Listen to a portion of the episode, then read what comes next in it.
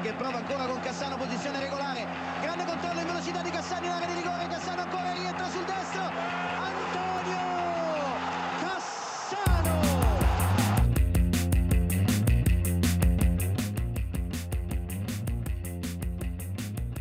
Hlustandi góður, við erum hjartalega velkomin í þáttinn Puntur og Basta. Við erum hérna eftir þessa 15. umferð í Ítalska boltanum sem er nú komin í hlje Þökks ég heimsmeistarmóturni í Katar og, og svo jólafríða eftir því Við verðum ekki hérna næsta ferðinni fyrir en 4. januar Það er hefðbundið læna fjá okkur að vanda Átnið Þór Randursson, þú ert með mér hérna í, í myndveri er hér. í hljóðveri, Í segi ég hljóðveri Og Björn, hann er hérna á línunni frá Danmarku Heilir og sælir Já, komið sælir. Hvað, hérna, hvað segir þá?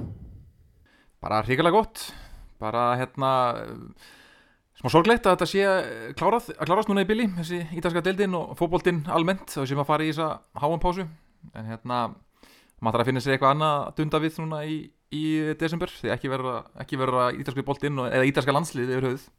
Nei, aldrei ekki, við þurfum að sitja heima og, og hérna, finna eitthvað annað að gera átni Já, það er nú kannski nóg að gera hjá þér Björn að undirbúa allt á þínum, þínu heimilið ekki Við myndum búið að pasta réttina heima undirbúa pasta Jú. og svona og gera allt klart fyrir jólin og svona Jú, jú, það er það. Og maður þarf að vera tilbúin líka að stöka frá hvernig sem er, sko, þannig að það er, maður verður á nálum bara allan desember, sko, en hérna, en það er nú gaman að hóra fótbolt á meðan, samt.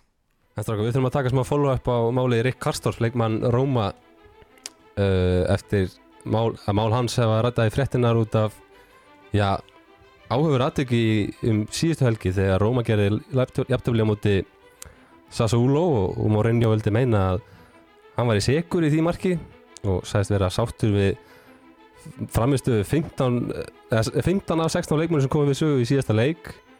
Við föllum aðeins um þetta hérna, í síðasta þættu og þeir fáið sem að heyrðu það ekki, kannski svona koma í fyrsta sinna að þessu máli, þetta er mjög svona áhugavert mál að því að núna er Karstorp flúum borgina búin að setja einhver skilabóð á samfélagsmiðla átni og, og þetta er svona smá einhjaldis málana í, í Róborg Já, mér finnst það bara svona einhverju leiti bara lítisleika klúbbin hvernig það staðið þessu máli? Að leifa Morinni að komast upp með þetta eiginlega? Það er náttúrulega bara setið þannig fyrir heimilin hans í Róm og hann er búin að flýja borgina og setur þannig á samfélagsmiðla í, í kvöld þegar við tökum þetta upp að hjarta hans er brotið einhver Róma litu hjörtu og, og hann er á leiðinu út úr leiðinu og eða, bara frá leiðinu en mér finnst þetta bara svona mér finnst þetta ekki vel gert hjá einhvern veginn liðinu að taka ekki betur utan um þetta. Mm Já, þetta er svona skrítin tækling hjá Mourinho Björn, finnst það ekki? Jú, mér finnst það mjög spes og sérstaklega þegar það er líka bara eitt leikur eftir af hérna sísónu að hún sé hent út svona fyrir síðasta leikin það hefði kannski verið að leysa þetta bara um leið að jólafrí kom að hérna Nægu tími frekar hann að láta allt þetta gerast núna það sem að eh, hann þarf að einmitt bara nánast flýja borgina og, og reyðir svo kallar stuðnismenn á eftir honum. Þetta er náttúrulega ekki stuðnismenn, bara einhverju fantar sem að, sem að láta svona e, þessar fréttir sem við höfum lesið í dag um að fólk hafi farið heim til hans. En hérna, já, bara mjög lítið, lítið snirtilega gert finnst mér af, af Mourinho, þannig að geta beðið með þetta. E, það fylgir þessum, þetta er ekki bara það að hann er staðis ítla gegn Sassuolo, hann var óanaði með Mourinho var mjög óanaði með svona einbindingun á hugafærið hans síðustu vikur hann fóðist eitthvað út hann að skemmta sér eftir tapi gegn Lazio. Og það er náttúrulega bara no-no á Ítalið og tapa darbislag, það verður þú bara í, klættur í svart í viku og ferði alltaf út úr húsi sko. mæti bara á æfingu Mæ, já, mæti farið í messu og byrðis fyrirgefningar og mæti síðan bara á, hérna, á aukaæfingar og, og einhvern veginn þannig sko, þannig að það var ekki vel séð og svo var hann vist einhverju svona eitthvað verið í símanum hann nánast á bekknum með eitthvað, ég veit þetta er einhverju slúðusögur en hérna, já, þetta er, þetta er mjög ljótt og og maður spýsir líka, verður geta að leysa þetta bara eftir tíma eftir, satt, í transferkluganum losa hann bara snirtilega þá. Um, og líka, þá er spurningin var kannski maður bara að gera þetta til þess að losa hann alveg öruglega, þú veist, kannski var hann búin að byggja um að selja hann, en, en klúburinn kannski vildi ekki hlusta á hann, en þess að ákveða hann bara hendur hann undir út, en hann að klúburinn einhvern veginn hafði ekkert val en að, annað val en að, að selja hann og, og redda þá einhverjum nýjum í staðinn. En, uh, já, en, en Þetta er, já, ljótt en, en stuðnismenn Róma eru ennþá að baka við Mourinho og það var stór hérna, fáni á leiknum við mitt í dag. Þetta er stuðnings Mourinho og verkefnisins þannig að hérna, frá ultrasgrúpunni Fedaín sem er eina af þessum legendary Róma ultrasgrúpum og, og uppselt í dag og, og, og góð stemning almennt sko. Fyrir utan að þetta mennir svolítið þreyttir á eru aðeins farnir að horfa á spilamennsku liðsins og, kannski aðeins nokkuð spurningumerki farin að vakna. Já, þetta er svona eins mikið samt hjóla í mannin og hægt er eitthvað Árni. Þetta er bara skriðtækling sko Tveggja fóta og umbóðsmaður hans krafist frekari skýringa og, og konan hans fór á samfélagsmiðla líka og skildi ekki neitt í neinu. Þetta er svona, Já, mér finnst það bara ekki líta vel út sko. Uh, jú, og það er nú einhver orðrómur um að ég fara bara til Júendus það sé bara verið að fara að taka honum opnum örmum þar og knúsa hann aðeins eftir þessa útreiði í Róm sko. er það ekki bara betra fyrir hann persónlega kannski núna? Jú, Nei, ég held að hann er. Já, hann getur orðið sigurverðin í því, máli sko. það geta aðeins fyrir hann en hérna já, við erum fórhald að fylgjast með þessu líka í janúar hérna svona hvert hann fer og, og hvort það kom eitthvað meira um þetta þetta hvort hann undarlega fari eitthvað rosalegt viðtal eftir hann fari eða eitthvað sko. Já, það já, geta alveg gerst það er allan að ljósta þetta voru kannski ekki bara Morgan eins og Ronaldo núna í kvöld? Já, einmitt. En hérna, mér langaði aðeins áður við fyrir að ræða meira um leikina að koma þess inn á hérna þessa ungu stráka sem að eru í úlingaliðum hérna liðan á Ítalíu sem hafa farið hérna annarkort frá hérna efstu deild á Íslandi, bestu deildinni eða deildinni þar fyrir neðan og, og svona þessi eitthvað ítalska leið sem er svolítið hérna, fólki er svolítið, var svolítið tíðrætt um tíma. Uh, Björn, þú svona fylgist sérstaklega vel með bara hvort sem að sé kvennabolti, neðri deildinar eða seri A. Uh, getur þú gefið okkur eitthvað upplýsingar aðeins um bara svona nokkra þessum strákum sem að eru kannski líklegir að, að, jafnvel fá, fá sína fyrstu, sitt fyrsta breyk á, á komandi á, kannski á þessu tímbili eða næst tímbili Já, kannski, þetta er svona, þetta er alltaf bara mína pælingar út frá, út frá einhverjum spiltíma í, í príma veraliðum og U18 liðum þannig að þetta er er ekkit vísindalega en það þetta er svona bara mínar pælingar og í hvað liðum menn er að spila og svona. En hérna ef, ef við byrjum kannski bara á Venetia, Íslandingarliðinu þá er Hilmir búin að fá tækifærið og fekk fimm ára samning en, en er bara búin að vera að spila með úlingarliðinu á þessu tímabili og, og hann er búin að vera að skora þar einhver þrjú mörg og tvö assist í, í sjö leikjum og ég er svona álega vona á því að fáum að sjá hann allan á bekknum í einhverju leikjum núna. Þeir voru að skipta um þjálfara við Netsia og eru komin með uh, fyrir maðurstofamann held ég Roberto Mancini og Antonio Conte gæði sem var mjög lengi með úlingarlandslið í Ítalíu þannig að hann er hann ætti að þekkja uh, unga leikmenn. Þannig að við vonum að hann fái tækifæri. Og svo er það Kristoffer Jónsson sem að er að spila mikið með úlingarliðinu prímaveraliðinu hjá Venezia. Hann er búin að spila átta leiki skora fimm mörg og eitt assist um, og hann er að gera það af miðjunni sem miðjumæður þannig að mér finnst það frekar áhugaverð tölfræði. Og hérna hefur verið að spila þess að Danakont á kantið á miðju og hérna þannig að það, það hlýtur að, að hann hlýtur, hlýtur að vera að banka dittnar hjá Venezia og svona kemur kannski óvart að hann hafi ekki fengið að, að, að hann ferðast með liðinu í einhverja leiki hinga til og svo eru þetta með eitt leikmann í Spezia sem er uh, 2004 mótel, það er hann Birgist Eitt Styrmisson sem kom frá K.R. hann hérna er líka búin að spila eiginlega alla leikina með, með hérna, príma veraliðinu, hann er auðvitað ungur og mið, miðvörður en hann er alltaf að spila í Spezia og þeir eru mjög mikið að spila á ungum leikmönnum. Og óhrættir við einhvern veginn að blóðka þessa ungu leikmenn, við sjáum Mikael Egil sem þið kiftu í fyrra um, og hérna og Hafsindarnir hjá þeir núna varnalínan þeir hafa nú spilað ansi marga unga leikmennu það sem að hafa hérna, staðið sér vel. Þannig að ja, hvort sem að hann verður fæ- fá tækifæri á næsta ári í serju A eða ef að þeir myndu falla þá eru ennþá meiri líkum kannski að því að hann myndu fá tækifæri. Þannig að ég held að hann sé svona, þetta er svona þessir þrýr leikmenn séu þeir sem munu svona fyrst stimpla sig inn í, uh, í ítalska boltan um, og þeir eru auðvitað bara líka það byggist þetta bara mikið búin að vera að byggja sig upp svona líkamlega, við sjáum það hvað strákandir sem fara til Ítalíu, það er mikið lagt upp úr uh, hérna, næringunni og mataræðinu og sjáum hvað Arnur Seifa massaði þegar hann fótið Venecia og þessar ungu strákar eru bara mjög mikið að vinna í því, veit ég. Og hérna, já, bara vonandi að fá að sjá það í, í serju A eða, serju B á, á, á, hérna, á tíðanbylunu Já, það veri virkilega svona skemmtilegt að fá allavega einhver, einhverja frumraun á þessu tímbili mm -hmm. Auka eins í flóruna sem maður er nú fyrir. Já, það sem Íslandingur finnst skemmtilegast að spila, það er ekki allt þannig uh, já, að því sögðu þá hérna langar mig einni að, að, að hérna, ég hef nú aðeins verið að svona undirbúa þetta blessa HM út svona út af verkefni sem maður er að sinna. Uh, því langar mig nú aðeins að henda á ykkur smá leik. Já við, ég er klár allavega. Björn, erst þú klárað það? Já, ég til Sko Ég ætla að byrja ykkur um að þið muni eftir hvernig þetta var í miltum minna miljón hérna, þegar Þorstein Jóð hérna í, í byrju þessar aldar það sem að hann var alltaf fullur sjónvarsalur og, og fólk þurfti svona að raða upp í röð eitthvað, á, eitthvað ákveðnu til að komast í heitasæti þannig að ég ætla að byggja ykkur um að sérst að raða upp leikmönnunum fjórum Já. frá þeim marka hæsta af þessum fjóru, fjóra manna mengi Já, og niður, skilur þannig að marka hæstur í markahæstur- leikmönnum. Já, leikmenn sem var að spila í seri A. Þetta er náttúrulega ekki sko Þetta er ekki tæmandi listi en þetta er bara, þetta eru fjóru leikmenn sem eru á topp 30 Ég tók bara random fjóru leikmenn sem að spila í seri A og þið ætlaði að segja mér hver er búin að skora flest mörg og, Já, og já, já, við erum bara að raða þeim, þessum mönnum. Já, Já, ok, ok, og flest mörg í deildinni, í íþrókudeildinni eða á HM á háum sem sagt. Á HM Já, Á H- í ok. söguhám Þannig að við erum með Pálo Rossi Battistuta Ronaldo og Klinsmann. Sko, fyrsta sem ég hugsaði er Ronaldo. Einhvern veginn um, Pála Rossi átti þarna eitt mót líklegast þar sem hann setur þarna þessa þrennu og skoraði mörg mörg mót, mótinu? Fjóri eða fimm kannski í heildina?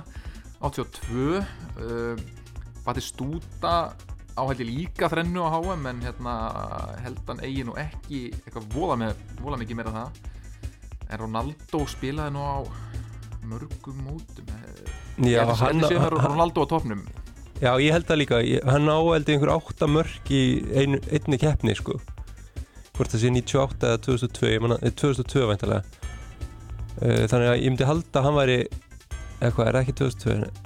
Jú, ég held að Ronaldo sé efstur, ég er sammála því. Ok, eftir hún kemur Sko, ég held að Rossi sé Já, Rossi er örugglega síðastur hugsa ég, en við- hann þarf Klinsmann eða, eða Batistúta, ég segir Klinsmann í annarsæti ég, Klinsmann í annað og Battistuta í þriða Og Pálo Rossi í fjóraða og Rossi í fjóra Hefur að læsa því svari, Björn? Já, læsum því svari. Læst ég með Það þetta er læst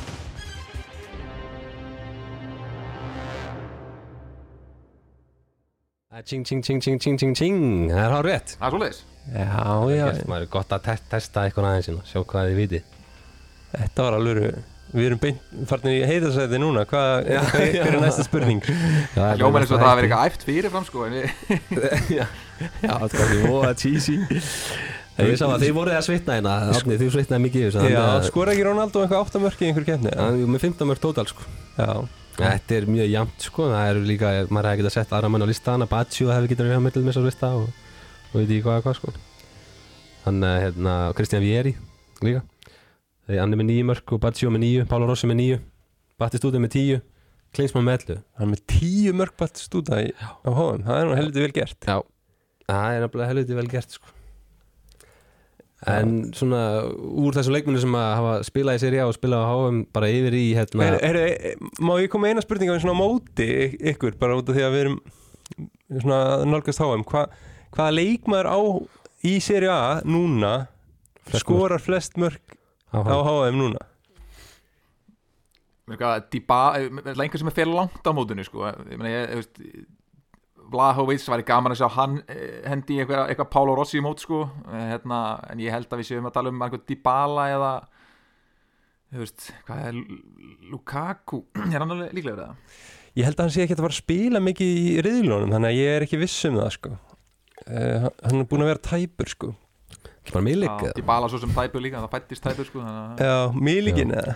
Nei, nei, ég Ég ætla að segja Lukaku Já, þú segir Lukaku, læsist í svari Björn, hvað segir þú? ég ætla að henda í Dybala. Ég ætla að skjóta á Rafael Leá Já, það er Já, það er það er að getið sjátt. Hann stakst okkur í bakið maður. Já, ég var ekki að nefna hann innan fyrr sko. Hans, skotin Við sjáum hvað gerist.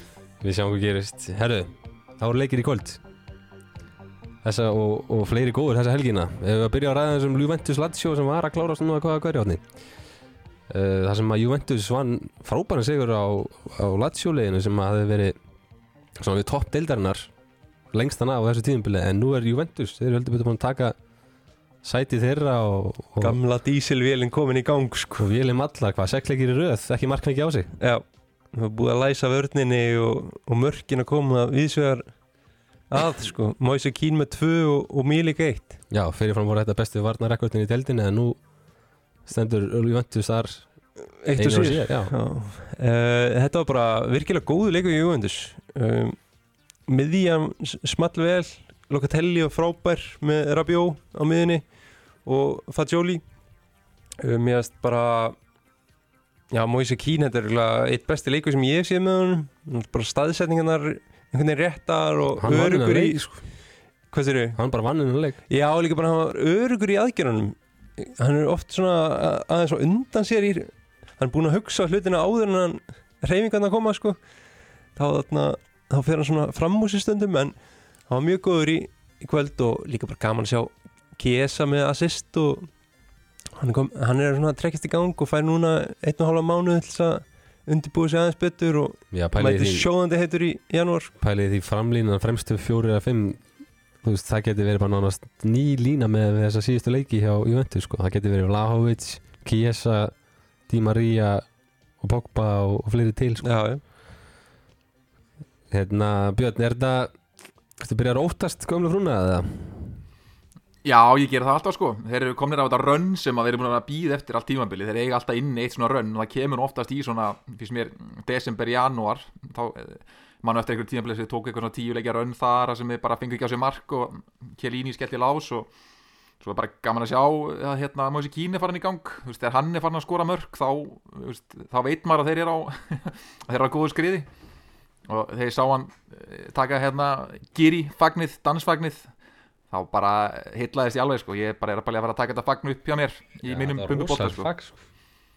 já ég er mikið búin að vinna með sko Dybala mask fagnið núna í, í síðustu, síðustu mánuði. Og hérna en það er svolítið þreytt núna þegar maður er að setja þegar maður er að skora svona mörg mörg þannig ég þarf eitthvað nýtt fagn og ég ætla að taka ég ætla að taka gýri fagnið núna alveg framar í grímuna á mönnum hann alveg vilja vekk. Þangað til, til hérna badnið mætir þá tekið náttúrulega Bebeto fagnið.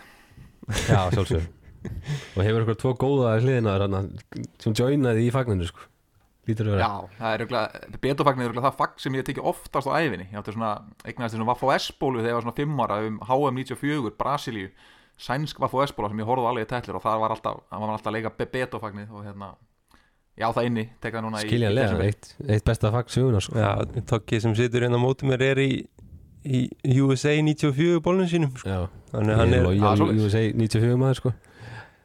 Nei og bara varandi þennan leik þá er bara Kostits líka búin að vera mjög góður fyrir júndusliðið um, Já, held ég að við talaði um þetta áður eftir að hann var færður í, í svona vangbakurinn eins og hann á að spila ekki á ekki svona attacking left midfielder. Já hvernig er þeir að spila núna bara fyrir þá sem ekki veit það Hvað, veist, hvernig, hvernig kerfi er þetta þeir eru búin að Ef þetta er bara, þeir eru með þryggjamanna hafsendalínu, það sem að Gatti og, og Danilo og, og hann Bremer, vélmenniðan Bremer er í miðunni á Danilo er búin að vera gjörsanlega störlaður, Sjestni í markinu í dag.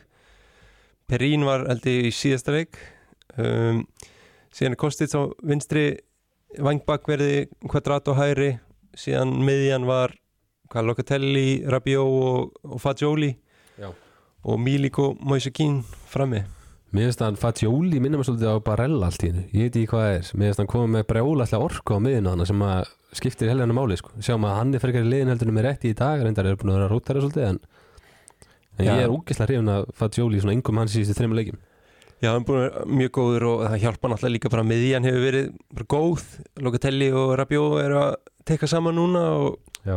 Það var ekki í byrjun tímbils þegar hann mér rétti var að stíga upp sko. Nei, en þurfa er samt ekki að hafa eitthvað svona ungan og græðan hann á miðinu Jó, ég held að það veit ekki af sko. Uh, en bara styrkurinn sem að Rabiot hefur og einhvern veginn krafturinn þegar hann er komin á ferðina það er bara erfitt að stoppa hann sko. Það er búið að gera mönnum vel að hérna, vera orðið af United á þessu ári sko. Við sjáum til dæmis Ossi Menn, Aron Autovits og Rabiot. Þetta er alltaf sem hafa blómstrað á þessu tíma Já, sko. þeir bara spólgraðir eftir að hýrta þessum áhuga og, og hann er líka prjóna vel yfir sig núna hann, Rabiot, hann vil nýjan samning upp á 10 miljón eurur á sísoni á ári sko, það er hærra heldur en Rafael Leao er að byggja um sko. Já. það er rosalegt sko. mamma hans þar umbóðsleginni sko já, bara, þetta er alltaf bara þessi gæi held ég lifi stundum ekki alveg í raunveruleikanum sko. Nei. En þú veist hérna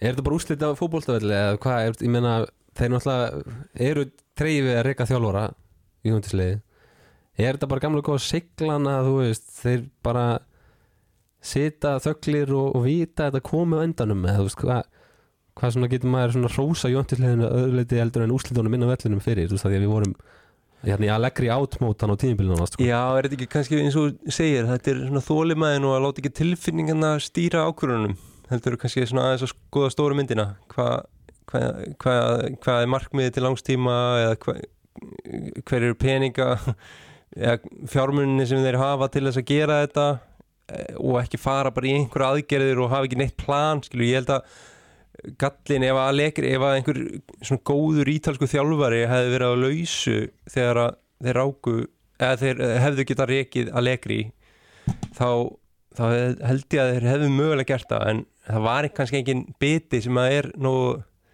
spennandi fyrir það, eða nógu prúven til þess að þeir takja áhutuna, þeir hefðu geta mögulega tekja áhutuna til Serbi en það er bara svolítið áhætta með svona stóran og, rótgrónum klubb og ég held að ég séu að býða eftir stöðu Antonio Conte sem er að renna út að samningi á Tottenham og þurfu ekki að fara að borga upp samninga hjá mönnum. Já, þannig að það skiptir hérna ekki máli hvað árangari Allegri nær núna á þessu tímbili mm, þeir munu, munu fara eftir konti Ég held að Já, þá finnst mér samt svo skrítið að vera að fá Allegri sko. ég fengar náttúrulega Já, ég skilu, þau vissi ekki að Conte, að Conte er að renna út að samning núna. Hann, hann hefur ekkert verið eitthvað ekkert að daðra við Juventus síðustu ár en núna ekkert þeir aðeins eru bara eitthvað í fíl út þannig að núna þegar að sætast stelpan á ballinu fyrir að reyna við það aftur þá hugsaður sinn gang sko. Já, ég setjum þetta alveg spurningamerki við það að það fá konti og að Allegri hefur trekt þetta líka í gang sko. það er bara, finnst mér vera eitthvað svona gegn því sem þú ættir að vera að gera með þetta lið sko. Já, sjáum til Hvað veist ég björn? Já, ég, ég skil að þeir haldi konti heitum eða þeir hafa möguleikan en þeir, ég ætla, gruna nú að þeir séu að gera þetta mjög on the, on the low séu ekkert eitthvað þú veist að þeir séu ekkert eitthvað að reyna að fara með fjölmila þeir séu kannski að heyri í honum svona óformlega. En á samanskapi þá er konti líka kannski bara að reyna að jacka upp samningi sinn hjá, hjá Tottenham að svona sína að hann sé eftir hrjóttur hjá öðrum og ef hann, ef hann skrifa, skrifa undir nýjan samning hann er nú sjálfur í fjórðasetti með Tottenham og eh, þremur stigum eftir Manchester City ég að menn það tala svolítið eh, eins og það sé bara allt í volið hjá Tottenham en, en staðan er nú ákveð hjá honum. Já, já, algjörlega. Ég held bara ég held að Conte vilji koma heim ég held að hún líði bara best á Ítalju Já, uh, hann flýgur þannig reglulega með Ryanair til Torino frá London. Ég hef hitt hann sjálfur personu bara eftir já, degi eftir einhvern leiki á tóttinam já. Það, Þú er náttúrulega hann með, mætt- með annan fótinn alltaf hérna í Torino. Hvernig heldur að stemmingin sé núna samt? núna, ja, hún er rísandi. Við sáum hann líka bara mætingun á völlinni í, í kvöld að það var bara svona nokkuð vel mætt. Með hvernig þetta hefur verið í byrjun tímubils og menn er eitthvað aðeins farin að fagna þarna og, og standa þess að bak við liði Mhm. Já, uh, já, bara geggja að sjá þessu leikmenn sem koma inn á einmitt fyrir Juventuslið í, í kvöld að séu end, líka endurhengta leikmenn þú veist, þetta bara, þetta lítur fárálega vel út hjá þeim sko. uh, það er nú eitthvað að tala um að Rabió hefði fengið eitthvað högg hana í leiknum, þótt hann ekki fara út af og, og sé eitthvað mögulega tæpur en hérna, kemur það ekki bara allt saman í það skiptir mikið máli, ég held ekki með frökkum á HM sko. Nei, nákvæmlega. Herðu, við ekki halda að fara í næsta leika því að það var mikið að stórum leikjum þessa helgina og förum bara í leikin sem var fyrir í dag. Atalanta Inter þar sem að Inter vann fárálega mikilvægan sigur á, á Ladea liðinu í sömu, sömu litum bláu og svörstu liðin. Uh, bara ég, mér varst svona ég einhvern veginn held að þetta svona þegar allt, þegar allt stýnur til upp pókunum þetta verði mjög, mjög mikilvæg sigur fyrir Inter liði sko og Atalanta liði náttúrulega svona smá hálpartin í frjálsu, frjálsu falli sko. Já, dýr stig fyrir Atalanta að tapa sko. það er bara er náttúrulega þau lið sem að sitja í 15 og 17 sæti þannig að ef Atalanta hefði lumis unnið þennan leik þá væri einhvern veginn hljómurinn allt, allt öðru í sí Já, og þeir áttu alveg nokkra möguleikarna undir lokin vissulega, það er náttúrulega einn svona saga í þessum leik að hérna, Húsi Palomino, leikmann sem að var dæmtur í, í Livjabann, hann kom aftur og setti heldur betur svona marksitt á leikin, bæði skora sjálfsmark og réttu megin á vellinum. Uh, Það sem er líka sérstætt við hennar leik og við Atalanta í vetur er að þegar þið spila vel þá tapa þið leikjum. En þegar þið spila illa einhvern veginn og er í skotgröfunum og er að spila varnarleik þá, þá eru þau góðir. Þeir voru, hérna, þeir voru bara góðir í þessum leik og áttu kannski meira skiluð úr þessum leik er svona, er svona skoðum flestra en Edin Dzeko á hann að stórleik fyrir Inter og, og hann var að tala um það eftir, eftir leikin með sig að það sé viðræður í gangi um nýjan samning hjá honum. Og það sé nú orðin alveg 30, 35 ára 6 ára gammal eitthvað svoleiðis. Þannig að hérna já, bara stert hjá Inter en, en þetta landa þeir, bara, þeir verða bara að líka tilbaka og, og, og breyka. Þeir einhvern veginn þegar þeir eiga góða leiki þá tapa þeir og, svo mæta þeir Róma hérna útivelli og eiga alltaf skot á mark og þá vinna þeir 1-0 þannig að Já, hann, er, hann þarf, að, hann þarf að hætta þessum sóknabólta sem hefur engendan undan farin ár Gasperini, hann þarf bara að fara, leggja rútunni. Það fara að leggja rútunni maður. Ég meina þetta Mér minnir þetta sé þriða tapið hjá þeim í röð á Atalanta. Svona komni núna einmitt í, í sjötta sæti eftir að vera þarna óvalega í töflunni. Uh, bara, frá, bara mjög fít fókbaltarleiku líka fannst mér, skemmtilegur og hérna og mikið að margtækifærum og, og svona kannski, já, hvað ég veit ekki hvað það segja meira um, um leikin sjálfan Björn. Nei, þetta var frábært, mjög góð leikur sko. Bara mikið skemmtun, mikið hit í mönnum. En var þetta menn heyrað alveg hægri vinstri. Jóki Meile, hérna Danin já, hann var með einhverju vel valin orð hérna e, framann í grímun á nokkrum intermönnum, svo ég hérna undir lokleiks og hérna bara mikið undir og hérna bara mjög skemmtilegt, mjög skemmtilegur leikur. Kannski einna, einna skemmtilega leikjum umferðinar Já, Dumfries fyrir meittur út af hérna hjá, hjá Inter og náttúrulega meðslinn farin að rannast upp uh, Di Marco aftur, svona þó þannig kannski hef ekki átt stóðsendíku eða mark í þessum leik þá bara lítur þetta að vera einn besti viðstir bakurinn í deildinni. Og Martínez með mark hjá Inter þetta er svona lítur, lítur vel út sko. Eða með stóðsendíku segi, ég, ekki Já. með mark já, Tjekko með náttúrulega með tvö mörk fyrir ekki, ég held að emitt, ég er rugglastina uh, eða þá ekki bara halda áfram með í næsta þar sem að leikur sem var á undan Juve Lazio þegar AC Milan og Fiorentina mættust og enn og aftur skorar AC Milan í uppbót og tíma. Það ná klart stigum ég menna að þetta hefur verið svona í margar mínútur á þessu tíðinbili hefur AC Milan liði verið bara með jafna leik en, en þarna allavega náður að krista í þrjú stig mikilvæg sem að, sem að hef, hef verið slæmt að glata þessu og, og, og ef maður snýr svo við fyrir Fiorentina þá er þetta ennið leikunum sem að þeir tapa niður sko. Uh, Já, já, og líka bara gott fyrir Mílan núna náður að trekja hann. Leo í gang aðeins í dag. Hann hefur verið svona upp og niður í síðustu leikjum. Eða bara freka mikið niðri. Og bara átti frábæna leik og skoraði hann á einhverjum annari mínútu. Hefði átt að skora fleiri, klúraði líka alveg allan einum dettara sem ég svo já, hann bara hann var, hann var bara góður skilur hann kom Já, sér í færin og- já, hann- er eitthvað að trekja sér í gang fyrir HM held ég. Uh, en bara risa stig fyrir eða risa þrjú stig fyrir AC Milan uh, sérstaklega bara til þess að missa ekki Napoli langt, langt fram úr sér mm fyrir þennan janúar janúarglugga og, og framhaldið. -hmm. Já, bara svekkjandi fyrir, svekkjandi fyrir Fiorentina, þetta er annað Inter, Milan og liði sem þeir mæta núna á skömmum tíma og, og annað skipti sem þeir tapa þetta niður uppbót á tíma, nú var það sjálfsmark. Síðast voru það svona varnarmistök svona hál, hálfpartin sjálfsmark hérna gegn Inter. Þannig að þetta er bara grautfúlt fyrir, eh, fyrir Fiorentina sem er búin að vera góð skrið undanfarið og, og við vorum konur upp í tíundasetti, hefðu getað farið ennþá ofar. En hérna, já, bara grátlegt hérna, en ég held að Fiorentina, við höfum rætt á það ég held að Fiorentina komi sterkir eftir, eftir áramót. Eru, það er ákveð svona uppleiði gangi og þeir eru búin að vera gríðalega óhefnir og einhvern veginn, eh, ég held að þessi að fara að snúast við hjá þeim. Já, þetta er skora mitt hérna um daginn á móti hérna hverjum var það aftur sem að er unni hann undir blálógin var ekki Verona og og hérna og Spezia líka. Þannig að þetta er svona klöts framistæði hjá hjá Milan. Já, spurningin er bara, já, spurningin er bara hvort þeir sem að missa Napoli langt fram úr sér við, höfum talað um, jú, að þessu konar skrið og svona en ég menna, bilið frá Napoli niður í AC Milan er áttastig og, og þessi, það er bara, þetta er bara Napoli eftir, svo er bara pakki, þannig að það eru bara hvað er það, sex stig frá öðru seti niður í sjöunda seti það sem, það eru bara hana já, sýsturnar sex og svo ein sýstir hann á topnum þannig að þetta er, ég meina, liðin verða að passa verða að fara að plokka stig af Napoli. Bara þessi sýsturnar sex þurfa bara að sammalast um það að- að leggja eitthvað, leggja svolítið á sig gegn Napoli og sækja stig jafnvel. Við verðum að fá mótið mitt eftir áramót ég held að það sé klart mál. Eitt sem að mér finnst hérna Pjóli svona, hafa verið svolítið gjaldfróða með í síðustu leikjum og kannski áttaði sig á því bara í kvöld.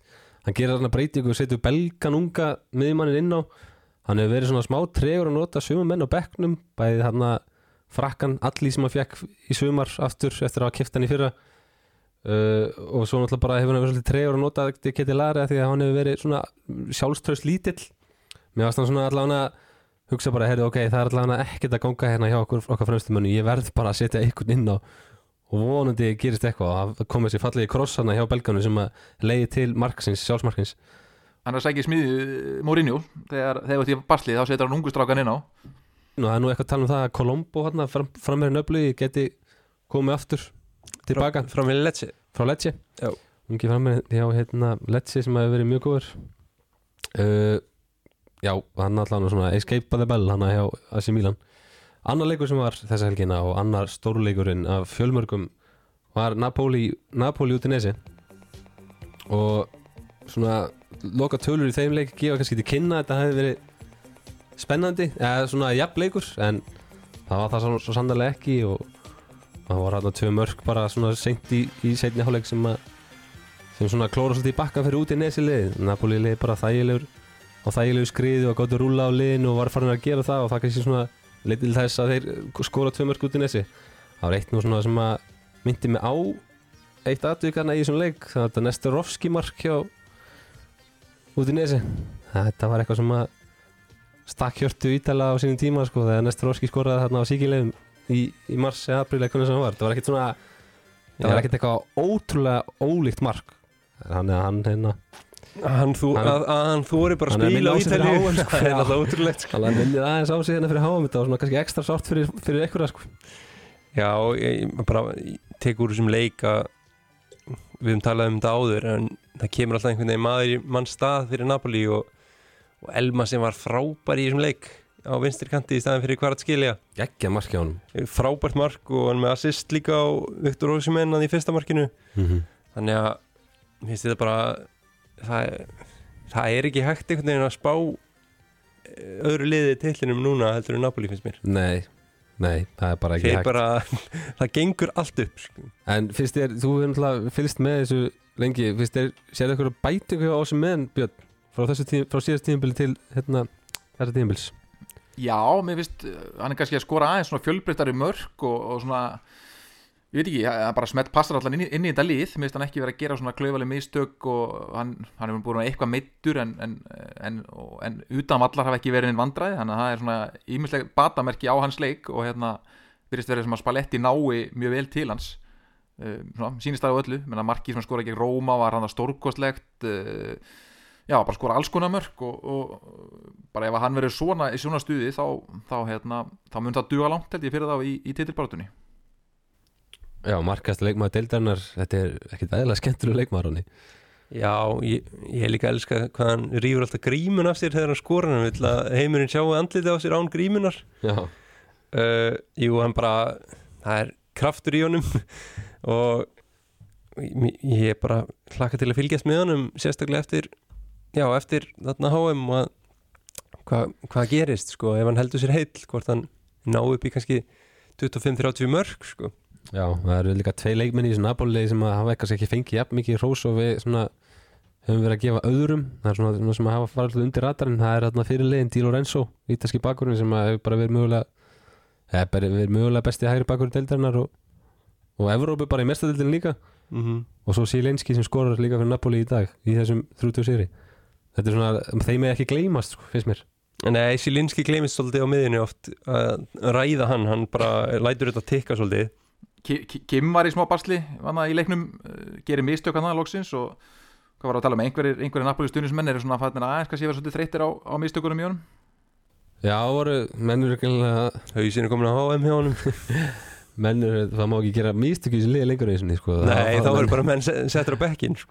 Já, breytin það, það mikil sko En það verður skemmtilegt hérna eftir, eftir hérna, pásuna góðu þá er leikur um þetta eindir þannig að hérna, Risaleikur, fyrsti Risaleikur. leikur fyrir Napoli ef að, ef að Inter tekur það, þá geta Milan og, og Juventus sett svolítið pressu á þá. Já Saksa fóristuna bara einhvern veginn strax í fyrsta leik. Já, svona 50 og síðasti leikur í þessari grófu yfir okkar er síðan leikur Roma Torino sem ætlum að hlaupa frekar hratt yfir.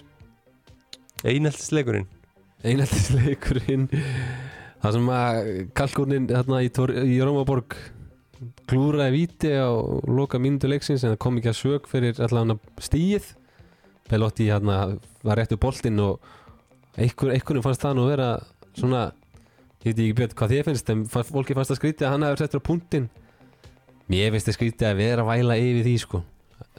Já sko, hann átti ekki að taka vítið og það sem svolítið að fyndi við þetta er að sko, leikurinn var ömurlegur hjá Róma í 70 mínútur, þeir voru bara ekki góðir og, en Dybala kom inn á síðustu 20 og þá breytist allt það bara gæðin sem að komi inn á völlin þetta var hlægilegt, þetta var bara eins og tvö það mismunandi er eins og verið að kenna mönnum fótbolta. Já, bara, þetta var fárálegt það tók mínútu, þá átt hann skot á mark sem var heldur fyrsta skot uh, Róma á marki í öllum leiknum.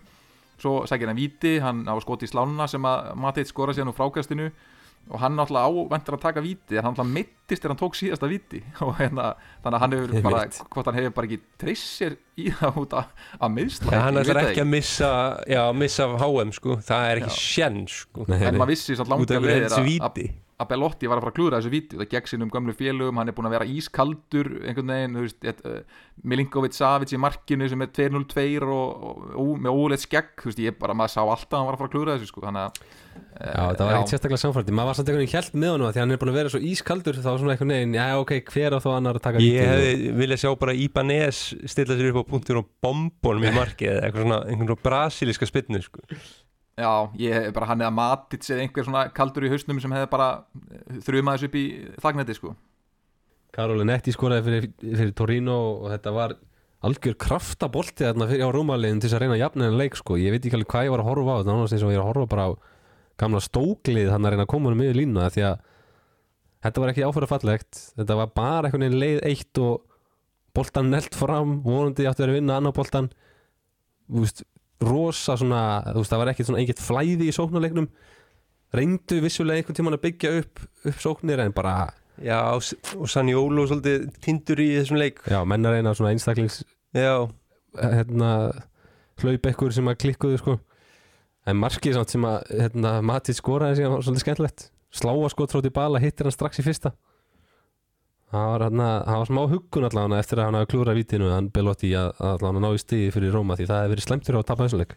Já og, leiðilegt fyrir Torino að hafa fengið mark á sig á þessum loka myndum af því að þeir eru að, að koma óvart á þessum tímbili Torino í níunda sæti og búin að missa allir sína menn og já, bara þetta, það var einhvern veginn engin trú á þessu fyrir tímbili menn, menn voru að spá og þeim jafnvel falli og að slást að slást og já, bara einhvern veginn ekki, ekki að ganga vel en þeir hafa bara verið á siglingu í síðustu leikjum. Já, já, eitthvað bílastæli í serjur svona En þetta, þessi leikur kannski sýnir samt líka hva, hversu mikilvægur Dybala er fyrir þetta lið því eins og þetta var, þetta var, bara, þetta var allt, allt annað og bara veist, Mourinho er, er það til vorkunar að það hafi gengið vel þegar hann hefur spilað en þegar hann fór út þá lendur í vandræðum og Pellegrini var heldur ekki með í dag. En ég, veist, ég býst bara við því að þeir að þeir skipti líka um leikkerfi. Hann er búin að halda mig fast í þetta leikkerfi sem gekk vel hann undir lók síðasta tímabils. Uh, mér finnst ekki að vera að ganga á þessu tímabili það er öll lið búin að lesa þá, þannig ég býst við að þessi æfingarferð sem þeir að fara núna til, til Portugal í, í desember þeir séu að fara að breyta aðeins til og reyna að prófa eitthvað nýtt sko, því þetta er rosa stíft og, og hérna, já, og, og bara við ef Dybala verður með þá eftir, eftir mikið eftir áramót þá, þá náum við top 4 en ef hann verður eitthvað mikið mittur þá, er þetta, þá verður þetta erfitt sko. Þetta er svona þessi úslit hjá þessum stóru liðum ég langar bara í svona framhjólaupi að að hann fyrir að gera þessu upp. Uh, bestu framistöðu tíðinbilsins bara að minnast á það að Bologna vann Sassuolo. Fjó, Já. fjóru í síðustu fimm í Bologna. Mottan er að trekja eitthvað skrýmsli í ganga þannig sko. Já, það er bara bara, hann fær stærra lið. Já, það hlýtur að vera. mjög efnilegu þjálfari. Ég sá hans úr leik þeir spila ekkert eðlilega skemmtilega bolta mér finnst þetta allt annað Bologna lið sko. og hérna Lúis Ferguson skotin knái, hann skoraði geggja mark mæli með að fólk sekja því. Uh, engin inn að koma hérna, engin innkoma hjá honum Þóri Jóhanna Helgarsinni en hérna þeir unnu hins vegar samt úreli sem að hefur skorað sex mörg á þessu tímabili og þeir eru vandræði að halda áfram. Að jafnvel talaði um að Stankovic veri rekinn og, og hvað Já. Dili Dong Dili Ding verður hérna ráðan í staðinn. Claudio Ranieri. Er í pítsamæðurinn ég var nú til að sjá það eins og að ráða hérna af þeim sem eru lausir. Þá finnst mér að Anthony Hopkins hérna, hinn ítalski Anthony Hopkins Jakini sem var hjá Fiorentina var ekki bara í fyrr, hitt í fyrra? Já, með derhúuna með derúna alltaf geggju típa sko. Ég held að þeir ættu bara að halda sér við við sinn mann í brunni núna og, og fara niður og bara keira sig aftur upp. Þeir eru bara ekkert með þess að vera í þessari deild. Já, Það er enga pening. Og eiga engan pening þannig að ég held að þeir ættu frekar að fara niður og reyna þá kannski að byggja þess upp úlingastarfið sitt og, og keira síðan upp í deildina. Já. Þetta er svona þessi helstu úslit í þessa helgina, þessa loka umferð fyrir pásu. Mikael Egil kom við inn á líka Nefnda bara Sitt, Sínar akademísku Já, hann kom þetta inn á já, Akademísku tíu mínútur. Og þeir hérna ná öðrum sigri. Þannig að hérna bara eru bara á fínri brauð það verðist að vera að skilja að hérna liðanum hann á botninum og, og þessum liðin fyrir ofan. 6 stigum allan frá næstu þreymur sætunum spetsja það fara líka að fara að tala aðeins meira um Enzo La sko, minn mann í, í spetsjaliðinu sko. en svo lag því líku spilari sko. tvö mörg og bara, hann er bara virkilega góður sko. já, Björn getur heldur betur sagt þér frá því sko. en strákar bara svona ef við horfum yfir sviðið í þessum 15 leikjum og útnefnum nokkra leikmenn sem að eiga skilið, skilið hérna blómund frá okkur besti, besti markmaður varnarmaður, miðjumæður kantmaður og, fram, og hérna frammeiri við lögðust við bækurnar og, og komumst að því að það eru nokkru leikmenn búin að standa upp úr í deildinni einhvern veginn í, í þessum 15 leikjum og vildum gera þessa 15 leiki upp af því að þetta er svona hálgjört sumafrí sem við erum fara dætt í. Og ef við byrjum bara á markmannum þá er það nú bara markmaðurinn í, í Lazio, Provedel sem að fekk, Ívan Provedel sem fekk landslíkskallið hvað fyrir einhverjum mánuði síðan Já, er í landsliðinu einum, og hálfum mánuði síðan. Er í þessum landslýshóp núna sem var gefin út hjá Mancini sem að ég er ekkert eðlilega hrifin af fullt á ungum strákum sem eru mjög spennandi hérna, í þeim hóp og ég held óska þess að sá hópur væri að fara að gera eitthvað annað en að fara bara í eitthvað æfingarleiki mútið litáin eða hvað sem að mótu hvernig sem er að mæta, ég man ekki alveg hverju mótur henni eru en hérna hvað þú er saman mótu við eða? Íslandi? Já, ég held að það sé eitthvað æfingarleiki mútið litáin og eitthvað. Já, hérna, á dögunni. hann er allavega með sko nýju klísít í 14 leikjum. Hann náttúrulega spilaði ekki þannig eitt leik. Og- uh, og kom inn á bara í fyrsta leik og hefur gjössanlega við erum bara eignað geggjaðir. sér þessa, mark- þessa stöðu. Já, spila ekki að byrja. Kom þessu. inn á, já, því að markmaðurinn, hinn markmaðurinn eh, fikk rauðspjald eftir þrjármyndur eða eitthvað í fyrsta leik. Gæði að kiptur á 10 miljonir 10 miljonir ára held ég Já, og átti bara fína vöslur í kvöld meðal annars Þótt hann að fengið þrjúmörk á sig sko. Og var náttúrulega markmaður spetsja í fyrra. Bara, Já, það eru svona aðalega líka bara af því að eins og Mike Mannian í AC Milan hann hefur verið meittur skilju þannig að hann er ekki að fara í þennan að, taka einhvern veginn besti markmaðurinn í fyrstu 15 leikjunum ef hann hefur spilað einhverja 5 sko. Nei, Handanovic misti sætið sitt. Já, hann Danovits er náttúrulega bara ekki nála því að vera Sessni ekki spila alla leikina náttúrulega, Sessni Og og Nana er ekki búin að spila alla leikina. Já. Það er kannski aðalega bara Alex Meret í markinu hjá Napoli sem hefði komið til greina. Já, hann Já. er búin að vera góður. Samt eiga alveg ein eða tvenn stór mistök held ég sko. Þannig að hérna, já, bara að prófa del. Góða áru, góð, flottur, flottur gauð sko. Þá er það varnamaðurinn Og hérna Við erum búin að sitja svittir yfir þessu vali Búin að hérna Spá fram og tilbaka í þessu Það er það, það þar tók við náttúrulega bara svartkvita hjarta völdin hjá mér og vill bara útnefna Danilo Vardamann Þetta er bara eftir blaðinu maður. Það er bara besta vörnin. Já, bara sexleikir í röð og það er búið að læsa búrinu og, og ég mér finnst það bara búin að vera fárunlega góður.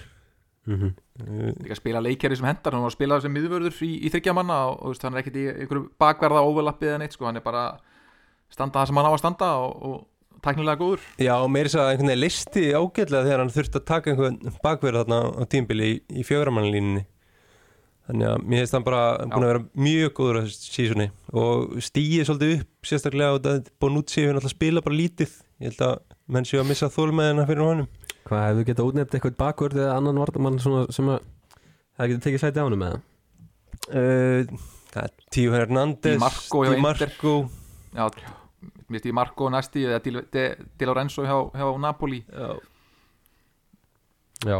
Kim einni verið góður Það þótt að koma fyrst upp í hann já og vera og. Smalling maður ég og konna Smalling við erum sammála því að hann ætti að vera núna bara on the plane sko. uh, Kim, Kim fær svona fan favorite Kim, Kim fær svona fan favorite allan að þessum hjá, þessu podcasti. Sá einmitt hérna Búin að dansa sér sá hjörstokkur eftir leik núna reyf súra ofan hann eftir leik og maður sá tattúi hann ekki bara með ekki bara með Carpe Diem á bringunni heldur er hann með eitthvað rísastóra mynd á bakinu sem lítur út bara eins og eitthvað, tréskurðaverk eftir Albrecht Dürer sko, þetta er bara eitthvað þvílíkt, ég veit ekki svona hvað þetta er sko, það var það flókið að ég sá ekki hvað það var.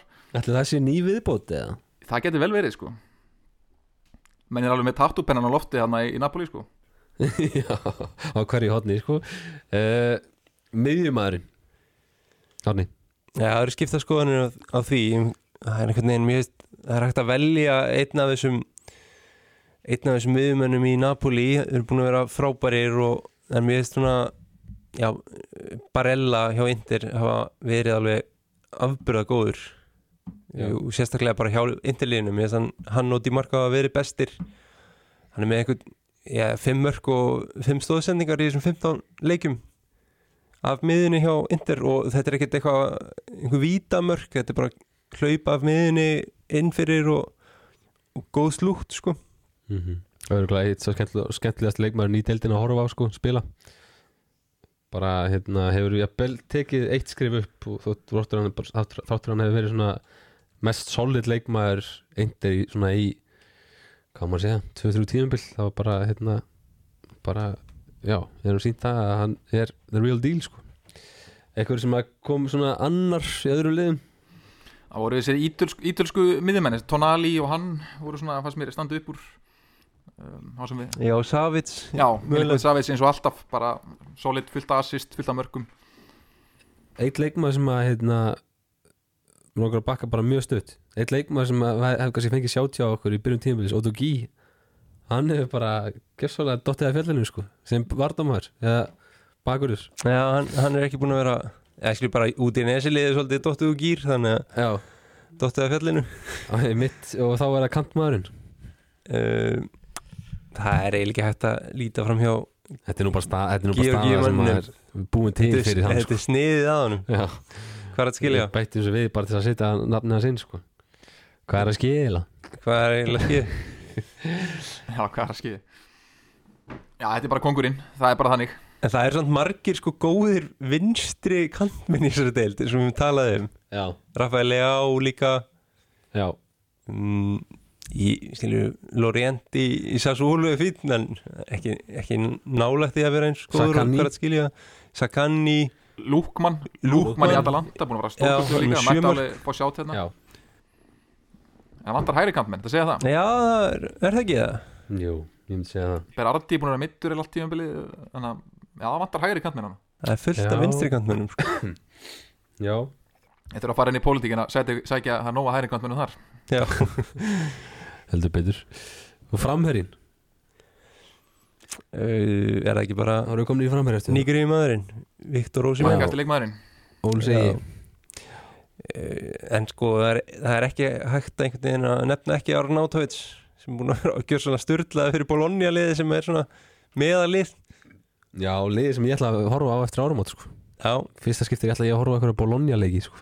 já það, það verður gaman að fylgjast með þeim það er engin, engin, engin spurning sko. uh, já, Arnautovic einhverju leikmenn undir pari Immobile alltaf verið hérna, Immobile verið meittur Vlahovic verið meittur Ég vil að, skilur það, Giroud. hefur samt skoraðlega ágætlega mörg mörg Já, sko. það er, menn tala svolítið um minn svo hann sé einhvern veginn ekki að standa sig í Juventus, ég skil það ekki alveg sko.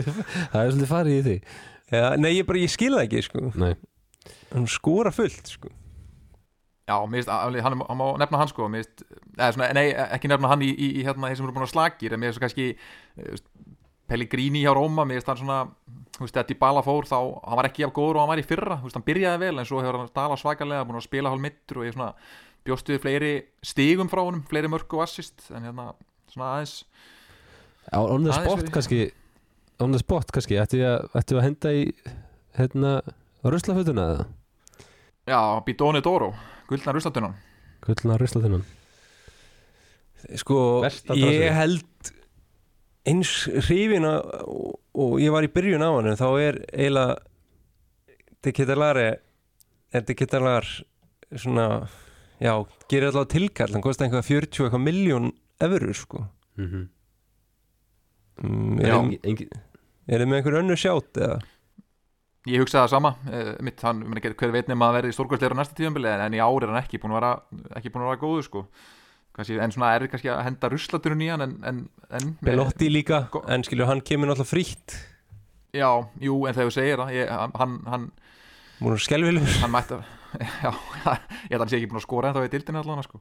svo, Di Maria Di Maria líka. en, en þetta rauðarspjald Meiddur og þarna á móti rauða- Monza var rautt líka spjald.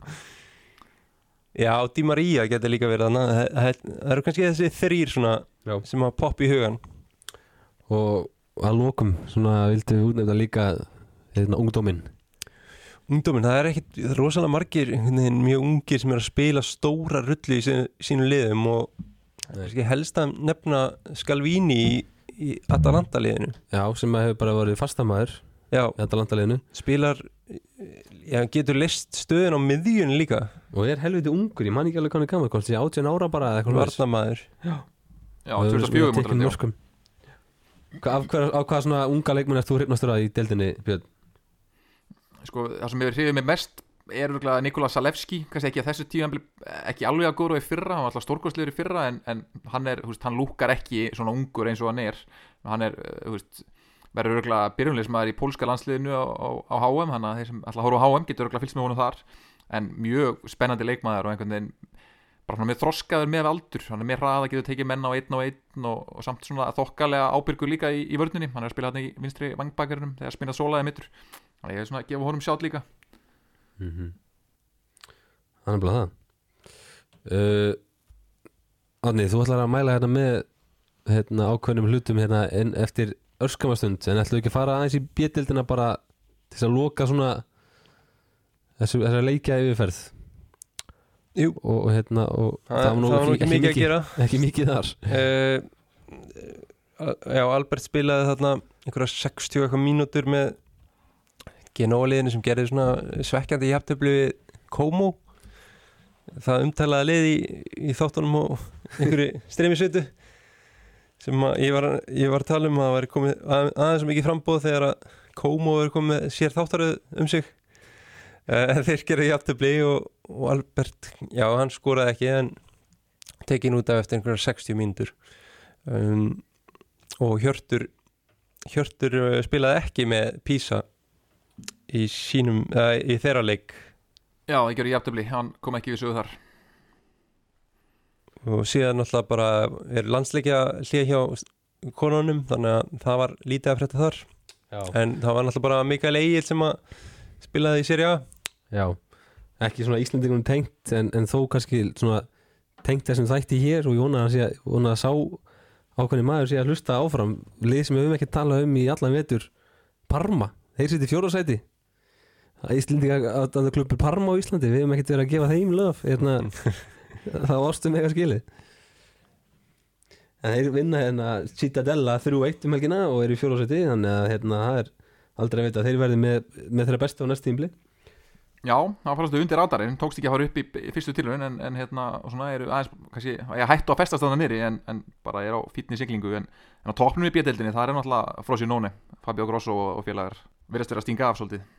Og hérna góðvinur góð vinir hans mættust náttúrulega um helgina Spal og Benevento það var 2006 lagur háum 2006 lagur þar þar sem að De Rossi og Fabio Canna- Cannavaro mættust og Cannavaro hafði betur þannig að það verður hérna vonandi fáið eitthvað gott úr hattinum hann í, í bjötildinni en átni svona að því að það fer að líða jólum eins og við tölum um í síðasta þætti og fórum aðeins yfir matagerina og, og rættum aðeins að þessa helstu rétti og svona.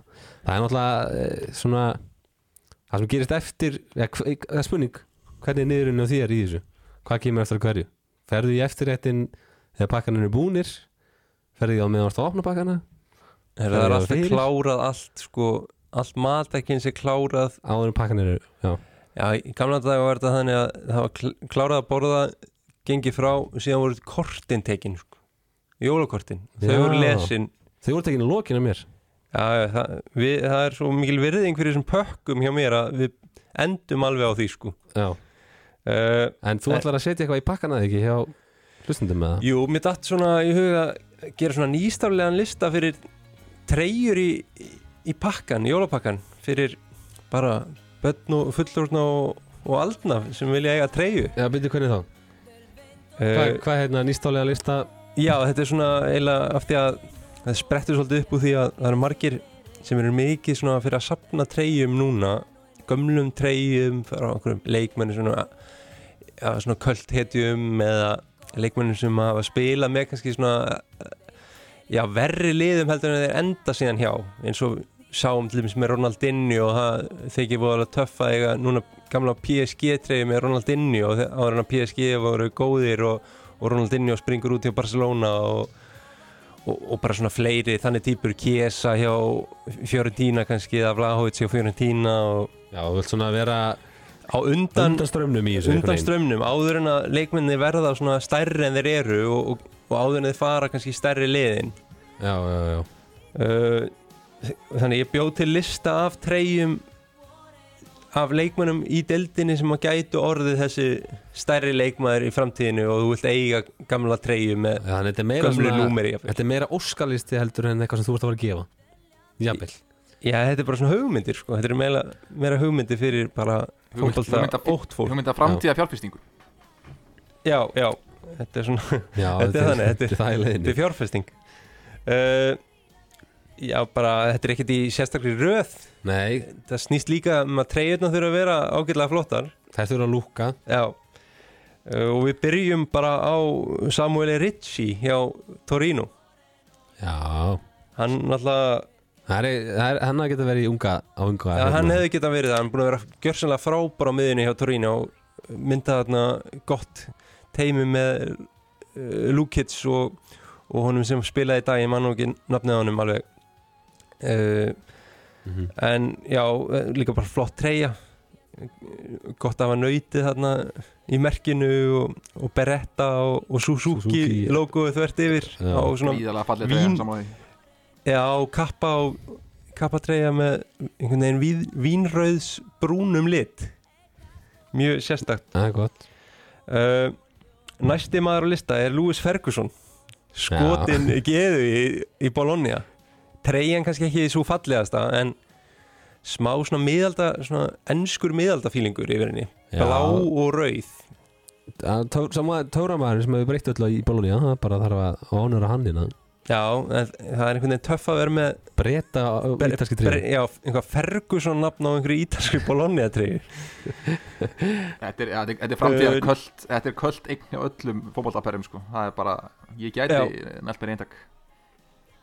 Já, Lewis Ferguson, það er bara pakkin í ár sko. Síðan, síðan er það þarna já, kannski svona ungstyrni sem á eftir að springa út og menn eru strax vartin að tala um. Yngsti markaskorur í sögu Lazio Luca Romero sem skoraði síðustumferð bara Brannstengullin hann já, þessi fagur bláa Lazio treyja og það er alveg hægt að vinna með það. Þú myndir taka hann í ljósbláu þá? Já, Já. ekki þessi varatreyja, ég er ekki hrifin að henni. Nei. Ekki þannig. Uh, en já, hann er 17 ára gamall og er frá Argentínu og búið að vera hæpaður síðan hann var 13 ára þá er einhvern veginn gott ef hann fer til ég veit ekki, PSG eða, eða Barcelona eða eitthvað í einhverja treyju með einhverju skrýtnu númir aftan á. Mhm. uh, næsta, næsti maður á dagskrá er Lorenzo Colombo sem við nefndum áðan.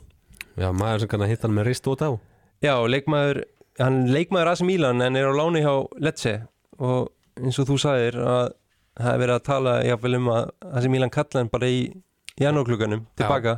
Já, já Hann er svona loksins farin að sína sitt rétt andlit og og þessi Lecce Flott treyja líka. líka Það verður eitthvað, eitthvað gott við það að eftir svona já, kannski 15 ár ef hann fyrir að raðin mörkunum hjá AC Milan og hann kemur viðtalið Þóri Jóhann eitthvað, já, hvernig var að spila með Lorenzo Colombo Mhm. Í er Lecce líka- þannig á tímubili Það hefði getað sett Baski Rotto En það hefði bara verið astnalegt að sko, maður sem er ekki með upphætlingi eins og ég sko, að vera í þe- þeirri Já, treyju sko. það er ekki hægt, sko, það er ekki hægt Colombo, ég myndi púla Colombo Það er bara eitthvað kjúli í letsi sko. Já, líka bara Flott nafn. Kolombo er aðeins ódýrara sko, aðeins færi bókstafi líka Baski Rotto er heldur dýrt sko Já, þú þarf breytt bak til þess að höndla það nafn líka sko. Akkurat Þannig að stafinni endi ekki bara sko. uh, En já, uh, þetta er líka bara gæði sem að gæti alveg sprungið út á Ítalíu. Ok. Um, síðan er ég með Ertu að spara eitthvað gott annað í bókuninu eða? ég er eiginlega með nafn sem ég langar eiginlega að nefna þarna og því mér finnst það asnalegt en það kemur í lokin, það er svona bónus treyja. Uh, síðan ætla ég að nefna Armand Lorient hjá Sassuolo. En raketuna hann að Já, hann er eh, náttúrulega Sassuolo spilaði þessar grænu og svörtu treyju sem að er jafnvel á útleið á næstu árum. Já, þetta er sapgripur Þetta er sapgripur, það er náttúrulega verið að eitthvað að reyna að breyta reglunum að það með ekki spila í grænni aðaltreyju. Þannig að það væri svona Já, mjög góð fjárfesting eins og Björn segir að, að tryggja sér eitt eindak af Lorient treyju Já líka háum, háum hérna veist, hátala Þetta er ekki 7 eða 6 eða eitthvað Þetta er eitthvað 45 eða eitthvað Já, það, það er alltaf gott sko. Já. alltaf best að eiga svona treyjur með háum númeru þegar menn eru minnin upp Já, algjörlega síðan ætla ég nú bara að nefna það að- að kannski jólugjöfin í ár er Viktor Ósimenn. Napoli Halloween treyjan hann verður farin við vitum grímuna jafnvel fylgja með sko. Já, eru þeir ekki að vinna með er, er þeir ekki að vinna með margar treyjur svona á tímanbili í fyrra voruð þið með einhverja 7-8 mismunandi held ég ég voru með eitthvað 13 treyjur í fyrra sko. þetta var eitthvað fárulegt sko. hver einasta treyja er samgripur þar. Já, eh, ég var hrifin af þessum leðublöku treyju sem þeir skurtuðu í Halloween. Það hlýtur að hægt að kaupa hann á eBay. Nei mitt. Þeir eru svona þess aðeins viltari Þetta er frábær, að frá, frábær listi. Ég bara, ég, sko, ég get ekki beðið eftir að sjá sko gleðina í augunum hjá litlu fransiskjörðum mínum þegar þið opna pakkan eftir, eftir langan jólamat og búin að býða opna pakkan og sjá að það leynist Louis Ferguson uh, treyja Bologna. Bara, já, eða, eða Samuel. Torino treyja. Já. Það, bara, það, það mun gera jólinn fyrir, fyrir litlu fransiskjörðum mín ég vona að það sé ekki að hlusta en hérna þetta verður pakkanum þar. Það er náttúrulega bara skýrnagjöfin sem þú færð þarna Frá okkur. Frá okkur. Já, það er bara Ferguson Bologna treyja já hann, er, hann er nú þegar eh, komið með Rómatreyju en líklegast, já, það getur verið Ferguson. Ég mun allan ekki kaupa Lazio treyjuna þarna. Nei, nei, nei, nei. Þótt að hún myndi kannski passa best bara í vennilegri stærð sko, Því það er bara eitthvað gauð sem er 1.50 eða eitthvað sko. Hann var ekki lengi að vaxa í hana sko. Hann fengi aldrei að sjá hana. Nei, nei, nei. Já, þetta er skellur listi Þetta var núna leikmenn líka Svona í bland við leikmenn sem að eru að fara að gera það gott á næsta árum og svona. Já, getur fengið stærra múf svona. Já, já, einmitt. Þetta verður kannski Þetta er springur gott, ekki út sko. eins og síðasti listi en Ja, þetta verður eitthvað. Já, verðum ég vil eitthvað sjá allavega eina treyju í pakkanum í ár. Já, endilega takki okkur þegar þið er búin að kaupa. Men, menn er að vinni því að styrkja netþjónana hjá, hjá hérna, Bologna FC Store.it Já. Nákvæmlega sko. Uh, Þá bara hérna Segðu þetta gott hjá, frá okkur í bili í byli, það er bara einn og hálfu mánuður í næsta þátt sko. Haugnablik í næsta þátt Ekki, ekki, ekki blik á augunum Og við erum mættur inn aftur. Er ekki verið að óska þá gleðilega jóla líka er það ekki eins skrítið á það það er bara gleðileg jól frá okkur frá búndu basta Jú, gleðileg jól í nóvember. Bara snemma í nóvember. Fast að komandi ár. Að komandi ár. Og þetta, ver, þetta verður mun rúla hjá okkur eftir áramót að sjálfsög Ítalski boltinn og búndur og basta og, og lýsingarnar og greinarnar og, og þetta ver, það verður bara gefið í eftir Í- Þegar við erum sterkir hérna í fylgjast með febrúar. sko. grúppan verður líka virki þegar að leikmannakaupin fara svona orðrómanir fara dett inn og, og leikmannakaupin Já, já, já, nákvæmlega mitt og maður er alltaf sterkur í áramót heitunum líka þannig að maður verður örgulega dúlur hann og virkur hann í janúar sko. Þannig að hérna bara við þakka ykkur strákar fyrir árið sem er að líða. Og hérna við sjáum bara hress á, á, á nýju ári og, og, segjum við gleðileg jól. Já, gleðileg jól.